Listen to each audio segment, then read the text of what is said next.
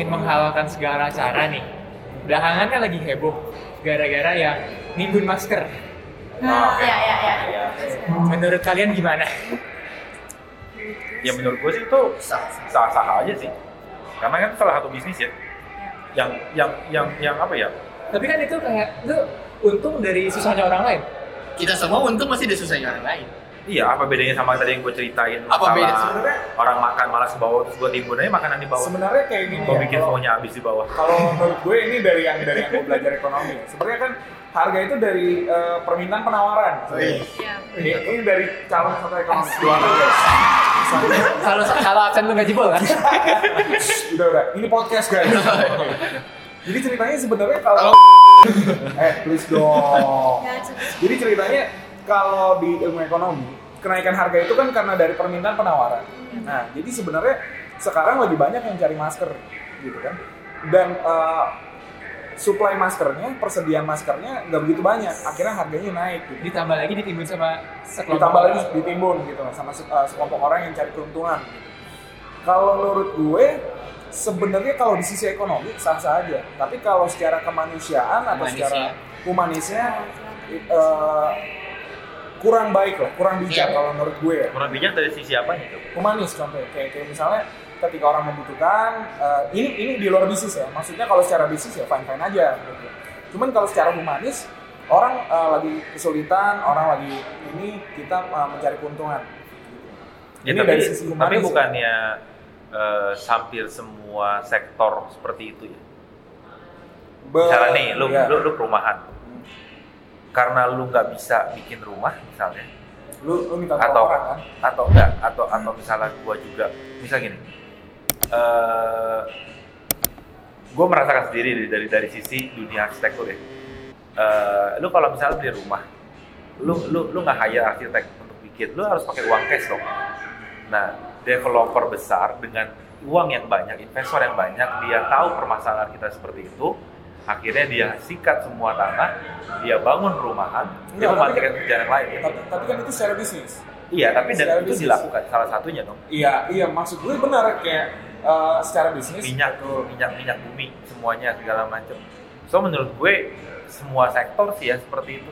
Iya, enggak. For now ya. Kalau kalau ngomongin secara bisnis, iya, gue setuju sih. Maksudnya kayak kita eh, duit itu kan sistem ya, sistem. Jadi ketika kita kaya, sebenarnya tanpa sengaja, tanpa secara langsung ada orang yang eh, uangnya berkurang karena uangnya Iya. kita karena kan uang perputaran kan. Tapi kalau misalnya mikir kayak yang tadi masker, minyak, tanah dan lain sebagainya, berarti eh, dan tadi lu bi- bilang yang masker itu secara etis nggak etis. Apakah dengan lu jadi orang baik lu bisa kaya? Kalau untuk untuk lu jadi kaya itu lu harus menggunakan cara yang menurut Peter gak etis. Eh, orang baik orang baik jadi kaya. orang baik jadi kaya bi bisa atau enggaknya tergantung daripada bagaimana si orang baik itu berusaha ya Iya sih, maksudnya faktornya lain. ya? faktornya faktornya kayak misalnya gini eh sebaik-baiknya eh gini Ro, kalau setahu gua cerita dari beberapa teman gua roda tuh berputar gitu ada ada orang yang lagi di atas ada orang yang lagi di bawah gitu kadang kadang enggak gua paling ngerasain nih satu di, teman gua ada, ada pernah cerita gitu ada pernah cerita gitu. Dia dulu tinggal di belakang sebuah rumah. Dan di belakang di depan jadi di rumah yang depannya itu itu tuh sering masak makanan enak bener-bener dia tidak ma- masak makanan enak dan neneknya pernah neneknya sering bilang wah coba kalau kita jadi orang kaya ya. Gitu. coba jadi orang kaya. 20 tahun setelah itu dia bisa beli rumah di depan orang itu Oke, dan dia yang masak makanan enak lagi. ya nggak di plot twist juga ya masak makanan enak sih gitu Keren tapi banget. maksud maksudnya sebenarnya tadi yang masalah kayak masker itu ya. Kalau menurut gue eh, yang bikin nggak bolehnya adalah kan jadi kan story-nya adalah satu ada ada ada sekelompok orang atau mungkin kita tangkap satu orang lah ya satu orang yang nimbun masker and then jual mahal ke orang lain. Nah sebenarnya yang membuat faktor jadinya mungkin dari sisi humanismenya adalah kalau gue nimbun masker it's okay Iya, iya. tapi menjual dengan nominal range nominal yang Nggak masuk mahal akal. itu yang yang yang Oh iya, yang iya, humanisme iya, iya. Iya kan? Iya, benar, benar. iya Iya. tapi ya udah maksud gua Tapi- daripada daripada dia nih kalau gua kalau gua kalau gua jadi dia gua akan lebih prefer daripada gua nimbun eh bukan daripada gua akan nimbun gua akan nimbun gua akan nimbun ta- eh, biar eh, orang-orang jadi kalau misalnya gua punya duit banyak gua akan nimbun biar orang-orang yang pengen nimbun dan jual lebih mahal nggak dapat gua nimbun dulu udah udah barangnya pada udah orang-orang itu jual pada mahal gue jual dengan harga standar tapi gue batasin Oh iya iya. jadi kayak Jadi harganya saya dua ribu tapi cuma cuma boleh tiga gitu Iya, iya. dua ribu Jadi sebenarnya yang salah itu bukan nimbunnya ya, tetapi menjual dengan harga mahal ya. Gimana cara menjualnya mungkin? Iya Tapi gini gak sih sebenarnya orang yang bilang itu gak etis kan berarti dia orang yang melihat dari sisi kebaikannya gitu Ah. kan. Kalau dilihat kan ini lagi masalah penyakit, ada yang kena penyakit, lagi ter, tersiksa lah istilahnya mereka sangat-sangat membutuhkan masker dan kita malah jual dengan harga mahal untuk keuntungan kita sendiri. Mungkin kalau dari pandangan dia, kok lu kayak gitu sih, lu mikirin di e- ego lu doang, lu nggak mikirin orang lain. Mungkin dia lebih kepikir kayak kenapa lu nggak kasih, lu danain ke orang, Iya. karena dia yang membutuhkan, mungkin itu. Kalau ngomongin membutuhkan, sekarang kita ngomongin masalah kayak minyak. Kenapa dimonopoli sama Pertamina? Itu logistik loh. Hmm. Lebih membutuhkan daripada sakit loh. Itu kehidupan loh. Right? Kadang-kadang emang ada hal-hal yang yang Memang kalau kita mau buka mau bensin boleh nggak? Nggak boleh. franchise boleh. Franchise. Ujung-ujungnya larinya ke Pertamina. Iya, tapi kalau hal-hal maksud gue gini, eh, minyak itu salah satu hal yang memang semestinya dimonopoli Kok kita untuk menjaga berat banget. Iya. menjaga menjaga sus- eh, sustainability-nya. Kalau itu tidak dimonopoli akan ke mana-mana, jadinya tidak akan apa ya? Kalau gini, Akan se- masker juga ya. semua orang bisa punya bisa nyetak duit sendiri, punya bank sendiri. What will happen gitu. Tapi karena ini dikuras sama Bank Indonesia ya lu kalau mau keluar ke sini. Ya, gitu. pokoknya balik lagi lah sebenarnya kalau ngomongin humanisme cok kayak Ya, gitu ini nah. sebenarnya ada di ada di undang-undang gue inget banget tapi Ya. gue lupa pasal berapa pokoknya ada ada ada Mudah-mudahan tapi gue lupa gimana cara lo inget ayo. Pokoknya ayo coba coba ulang dulu. Lupa ada ada ya. ada ada ada sebuah pasal mengatakan bahwa eh, negara akan memonopoli eh, eh, sektor-sektor yang berhubungan dengan hajat hidup orang banyak. Iya. Nah, jadi maksudnya kayak minyak, kayak listrik segala macam. Nah, Tapi ya udah gitu maksud gue kayak sekarang fenomena fenomena lagi seperti itu kan. Ya kita lihat kita lihat kita analisis kita ikuti dulu aja. Karena gini. kemarin gini, kemarin cewek gue pengen beli hand sanitizer Oke. sebotol biasa. Tulisannya di sebuah eh, e-commerce itu cuma sekitar 100 atau berapa ratus ribu. Itu tuh sem- kita seminggu sebelum kejadian eh, naik-naiknya ini mer- merebak lah. berarti tapi udah mahal dong ya? Udah, itu udah mahal, tapi kan sebotol segini, cukup gede. Oh, iya. Sebotol gini. Kan masih harga standar kan. Dia beli dah. Sep, dia beli. Kagak dikirim-kirim. Dia, dia cek dong kenapa. Dia cek, dia buka tokonya lagi. Tahu gak di e-commerce itu harga tuh hand sanitizer jadi berapa? 19 juta. 19 juta Gue bilang, mendingan lu beli motor, lu suruh abang-abang nge-grab, duitnya buat beli hand sanitizer. Daripada lu beli hand sanitizer langsung. 19 juta cuy.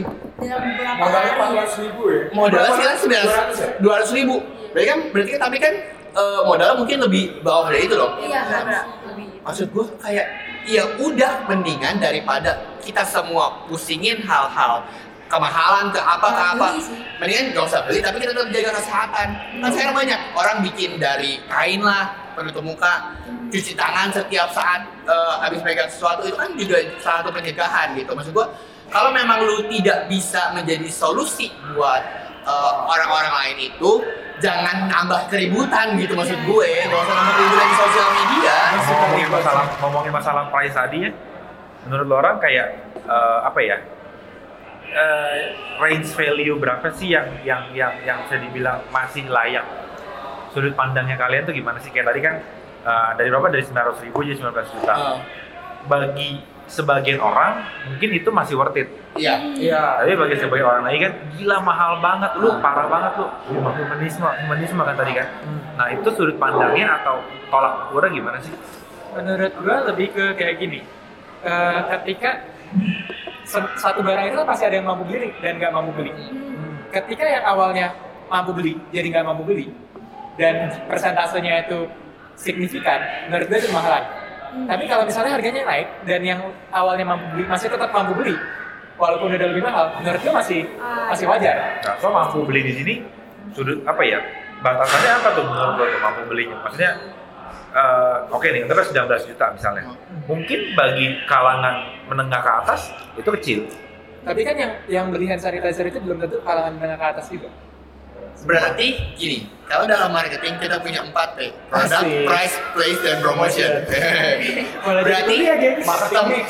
marketing mix. Berarti kalau menurut gua yang salah adalah penempatannya. Penempatan gimana dia menjual barang. Ya mungkin itu betul, that's right. Jadi misalnya gini, kalau lu memang orang yang punya duit, kan lu nggak mungkin beli baju di pasar. Iya. Pasti lu beli baju di Chanel, Iya. di PI, di Zara, Di contoh, ini contoh misalnya kan kayak kayak kayak barang-barang branded di PI. Iya, Kalau mungkin bagi orang-orang yang sering ke Tanah Abang, bilang gila itu siapa yang mau beli, tapi dia bukan masih buka store sampai sekarang. iya. Iya. Karena memang yang beli. ada ada marketnya di situ kan, gitu. Karena gue pernah mikir gini loh, dan gue pernah mikir dulu gini ya. Kalau dulu ada baju seratus ribu tiga? Di Iya. pasar ya kan, Iya. seratus ribu tiga. Gue pengen sekali-sekali gue beli eh, tuh baju sepuluh ribu tiga, tapi 100.000 beli tiga. eh seratus ribu tiga, tapi gue beli sejuta. Hasilnya gue dapet 30 baju dong. Ya. Iya. 30 baju dong. Gue akan tetap terlihat kayak orang kaya. Tahu kenapa? Setiap hari sekali eh, sekali baju gue ganti. Iya. Habis pakai gue buang, pakai gue buang, pakai gue buang, pakai gue buang, pakai gue buang. Sebenarnya banyak cara, tapi tergantung gimana lu uh, placementnya aja gitu. Menurut gua, kalau dia mau jual 19, 19 juta, ya lu jangan placement di e-commerce dong, yang bisa kelihatan sama semua orang. Ya. Itu akan menimbulkan kecurigaan, orang akan marah-marah. Tapi kalau lu, tim, lu jual di suatu minimarket khusus, oh, tempat obat yang memang mahal ya bodo amat. Yang masuknya harus di- disterilisasi dulu. Disterilisasi itu bodo amat gitu maksud Dan, gua. dan, dan gue gue juga apa kalau dari gue malah ditambahin lagi tergantung value juga jadi value si barang itu Iya. karena karena misalnya kayak gue nih ya gue gue di, di di bidang gue itu harga itu Gelap. gelap teman-teman gue mungkin teman-teman yang lain juga itu ada yang misalnya jual dengan nominal 2000 satuannya gue bisa jual dengan bentuk yang sama dengan material yang sama bisa jual dengan 4000 menurut gue dan bahkan di atas gue juga ada yang bisa jual sampai 10000 So menurut gue tergantung value apa ya, sudut pandang value sih ya.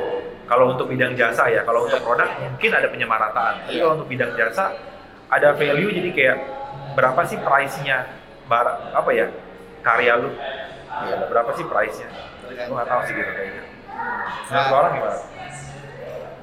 Kalau jasa tuh ribet tuh, kalau jualan jasa tuh. Iya, karena nggak Ada- nggak berbentuk fisik ya. Iya, nggak berbentuk fisik gitu. Fisik barang gue aja fisik loh. Iya. Tapi kan yang lu jual jasa kan. Tapi kan ada fisiknya.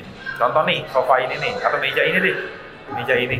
Nah, itu kalau lu belinya di dekat rumah gue yang di apa di ring road uh, seberangnya Puri Otek Iya. itu cuma 2 juta tapi Barangnya? masuk ya ini barang meja ini Ah. 2 juta masuk ke Kemang itu 40 juta bahannya sama materialnya sama Balik ke pasar. Oh, place. value sih menurut gua value ya. Jadi kayak uh, seberapa mahal lu menempatkan di menempatkan produk yang lu hasilkan Kayak kenapa lu mau beli tiket konser Raisa seharga satu juta misalnya? Iya. Misalnya, ya karena value ya. value-nya Raisa yang dikasih itu kayak, wih gila Raisa, bisa kalau juta yang konser beli. buat Raisa Iya, mahal, belum tentu. itu mahal banget Kalau sekali banget. bikin konser satu satu tiket satu juta, Wih, sepi. jadi privat. Iya, iya. Privat ya kan menurut mikir. gua price itu di, di, di, di apa di Bisa tergantung sama value sih. Yang yang yang yang, yang mau dijual itu seberapa mahal sih? Sudut pandangnya seberapa mahal lu menghargai diri lu sendiri. Berarti 4P 1V sekarang. Kita bikin Satu teori baru. 4P. Eh. Price, price, promotion, value. Jangan kayak Raisa nih. Iya. Ketika dia mau dihargai mahal, ya dia harus bagus juga dong. Iya. ah, Gitu kan. Iya. Dan bagusnya dia itu range-nya apa ya? Harus dia sebenarnya adalah menaikkan value lah ya. Iya, Nah. mereka value. Gim- berarti berarti gimana caranya kalau misalnya tadi kan kita akan nyambungin semuanya gimana cara kita dapat duit gimana caranya kita happy gimana caranya kita gak mikirin duit lagi gimana caranya kita passion adalah satu cara dengan meningkatkan value dalam diri kita masing-masing Yes, that's it. Jadi gak ada cara lain selain meningkatkan value dari cara kita, dan cara diri kita masing-masing selalu mau pakai cara apa nonton YouTube statement sampai Santa bahwa Suki Tata itu berguna banget.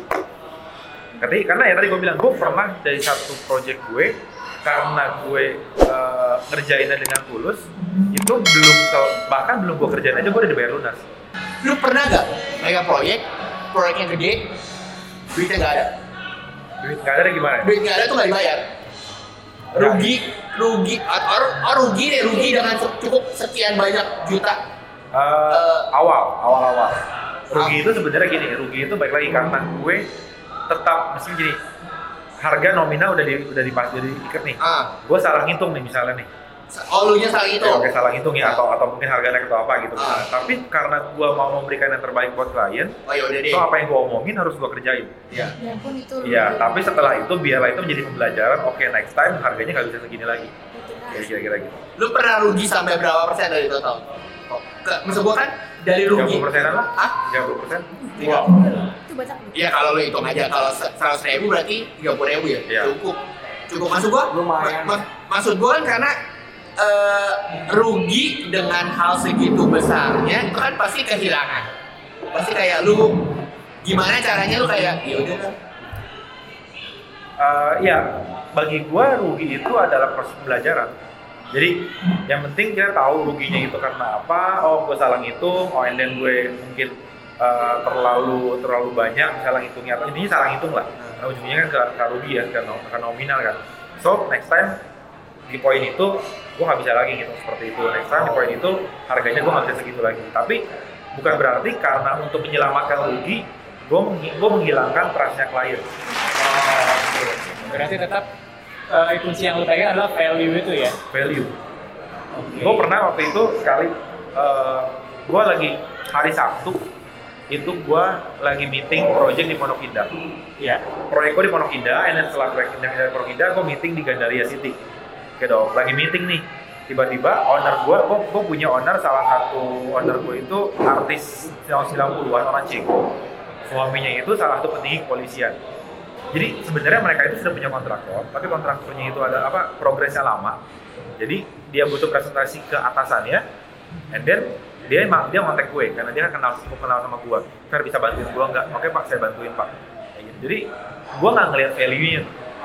Jadi kasarnya oke yang yang gue kejar adalah gue bantuin dia dulu Selesai. dan sekarang selesai. Maksud gue eh, di satu sisi lu ngelihat value, di sisi lain bagi gua ini kalau sebenarnya pepatahnya Deddy Kobusier sih. eh, Om Deddy Kobusier itu pernah bilang di, di, di salah satu channelnya dia, di mana yang namanya hoki itu adalah kesempatan ketemu sama kemampuan. Sometimes kita punya ke- kemampuannya, tapi kita suka skip kesempatannya Iya. karena takut, karena ngelihat hal lainnya, value lain itu ada untung dan sebagainya. Tapi sometimes juga kita nggak kita punya kesempatannya, tapi kemampuan kita nggak ada. Berarti kalau kita bisa rangkum pembicaraan kita hari ini, intinya adalah kesempatan, ketemu, kemampuan. Ya itu kalau kata Om Deddy Kemampuan. Kobusier dan gue suka banget tuh promo course-nya itu. Kemampuan lu Itu disebutnya baru namanya hoki. Hmm. gitu. Jadi Hoki? menurut gua ya hoki itu kata atau apa? Luck, eh, luck itu tuh ya ketika kesempatan itu ketemu sama kemampuan. kesempatan, ketemu kemampuan, terus kemampuan lu lu asal dengan eh, lu jalanin passion lu, lu kasih ya, value. sama naikin value lu. Di titik equilibrium. Mantap ya? Gua tahu tuh. Lu tahu ini doang equilibrium kan? Iya. Ketemu gitu doang. Iya. Oke. See you. Iya. Jadi sih. Jadi orang gitu aja ya.